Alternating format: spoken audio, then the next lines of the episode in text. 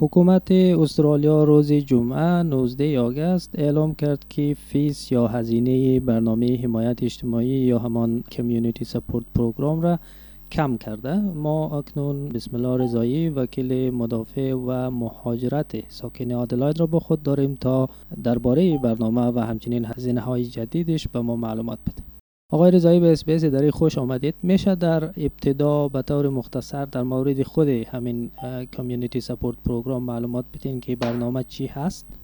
سلام و درود خدمت شما ینوری و شنونده های عزیز. شما در رادیو SBS دری بله ویزاهای Community Support Program یا پروگرام حمایت جامعه ویزاهای حمایت جامعه یک برنامه هست که تقریبا از ابتدای قضیه که یک نام به حساب دوره پایلوت شما در نظر بگیریم ده سال بشه که به حساب راه افتاده در استرالیا و در چند سال اخیر تحت برنامه از 2017 به طرف Community Support Program تعداد یک هزار ویزا را در سال از جمع ویزاهای بشردوستی دولت در نظر گرفته که از این طریق توسط اشخاص community business ها و افراد خیر جامعه یا فامیل های کسانی را که در شرایط استثنایی بشری قرار دارن نیاز به حمایت دارن از طریق حمایت شود. این ویزا چهار به حساب عنصر اساسی داره معیار. معیار اولش که متقاضی ویزا باید مهاجر باشد و کشورهای خاصی مثلا در رابطه با مردم افغانستان باید مهاجری پاکستان باشند یا در ترکیه یا مالزیا یا هند و کسایی که در اندونزیا هستند باید کسایی باشند که قبل از یک جولای 2014 در اندونزیا رجیستر شده باشند دیگه کشورهای غیر از اینا که مهاجر افغانی هستن اونا نمی‌تونن در برنامه شامل شوند این معیار اولش هسته و دمی معیار اولش بخش دومش که فرد متقاضی باید خطر جانی داشته باشد.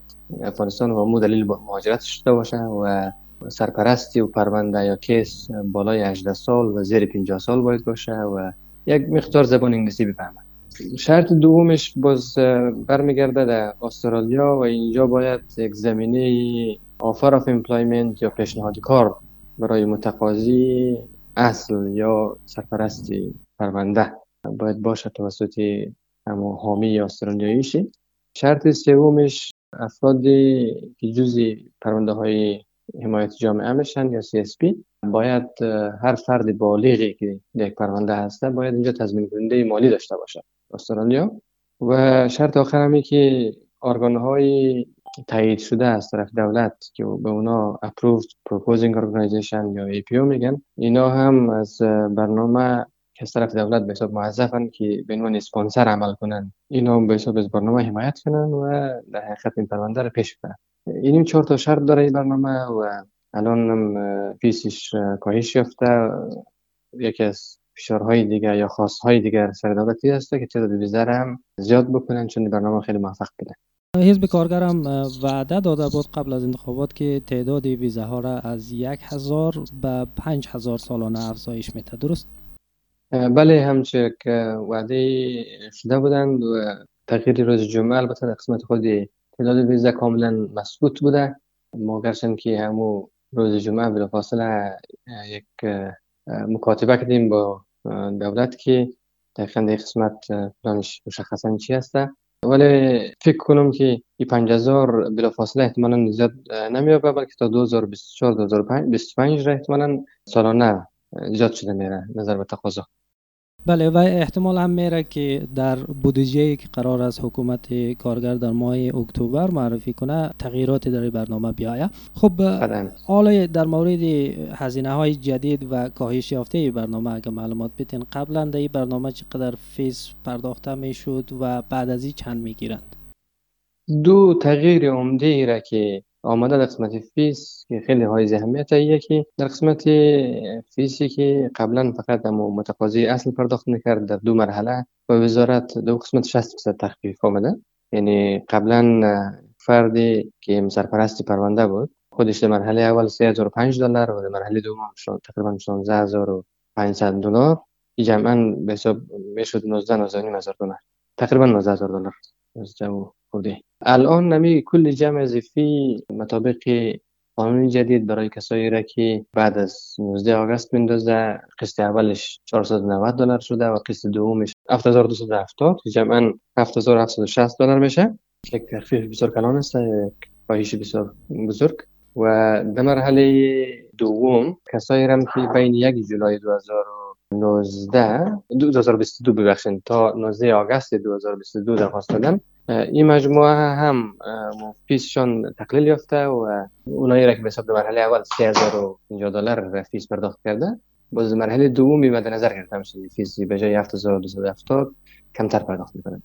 یک فرق کمی است. فرق دیگه که خیلی حائز اهمیته که برای فامیلی ها کسایی که بیشتر از یک نفر پرونده CSP قبلا یک هزینه بسیار کمرشکن اونا بودن که او کاملا برداشته شده مثلا هر فردی که به پرونده اضافه می‌شد قبلا 2600 دلار پرداخت می‌کردن که او کاملا برداشته شده برای فامیل هایی که بعد از یک جولای درخواست درس کردن درس منن خب البته فقط فیسز که حکومت از اسپانسر شخص متقاضی می‌گیره. در قسمت فیزی که سازمان های انجام دهنده یا پیشنهاد دهنده متقاضی ها می‌گیرند تغییری نخواهد آمد. درسته؟ دقیق است. من در قسمت فیزی کاربان هایی که از اونا به عنوان کاربان های تایید شده انجام دهنده یا ای پی چی میشن هیچ تغییری حالا اگر کسی بخواهد که از طریق برنامه اقدام کنه و کسی را یا کسان را اسپانسر کنه از کجا باید شروع کنه؟ در مرحله اولش باید برای ثبت نام اقدام بکنن. در state هایی که هستن دو نوع ارگان های انجام دهنده وجود داره اونجا یا APO یکی اونایی را که سطح خود امو ایالت هسته state based میگن. اگر اونا حساب انجام ندین مثلا در ویکتوریا تنها state base ارگانی را که مانده فکر کنم Spectrum هست. بعد ما یک تعدادی از ارگان هایی را داریم که اینا national هستن که به شامل آی ام میشه AMES میشه Eastern Christian Welfare Australia میشه و Cultura اینا national است. یعنی به این معنی که در هر جایی که استرالیا باشن از طریق از اگر ثبت نام باز باشد می‌تونن همو مرحله اولش که به حساب registration یا expression of interest است register شود. و بعد مرحله بعدیش خود همی ارگان های انجام دهنده با اینا تماس می‌گیرن که شما وکیل خود شما دارین یا به حساب ما معرفی کنیم که باز زمان افراد خودشان انتخاب دارن دستت های مختلف. دیگه برنامه بعد از حقیقت یک پروسه زوال عادی خود طی تا یک پیش وزارت بره. کسایی که می‌خواین از این طریق اقدام کنن آیا حتما نیاز به وکیل دارن یا می‌تونن شخصا اقدام کنن در قسمت خود راجستریشن حتمی نیست نیاز به وکیل داشتن. فکر کنم که افرادی را که معیارها را برآورده بتونه مدارک را به صورت اساسی جمع بکنه که هیچ کمبودی در قسمت معیارهای چارگانه که گفتم. وجود نداشته باشد می‌تونن خودشان هم ثبت نام بزنن. بسیار خوب. آقای بسم الله رضایی یک جهان تشکر از اینکه وقت گذاشتید با ما صحبت کنید. موفق باشید.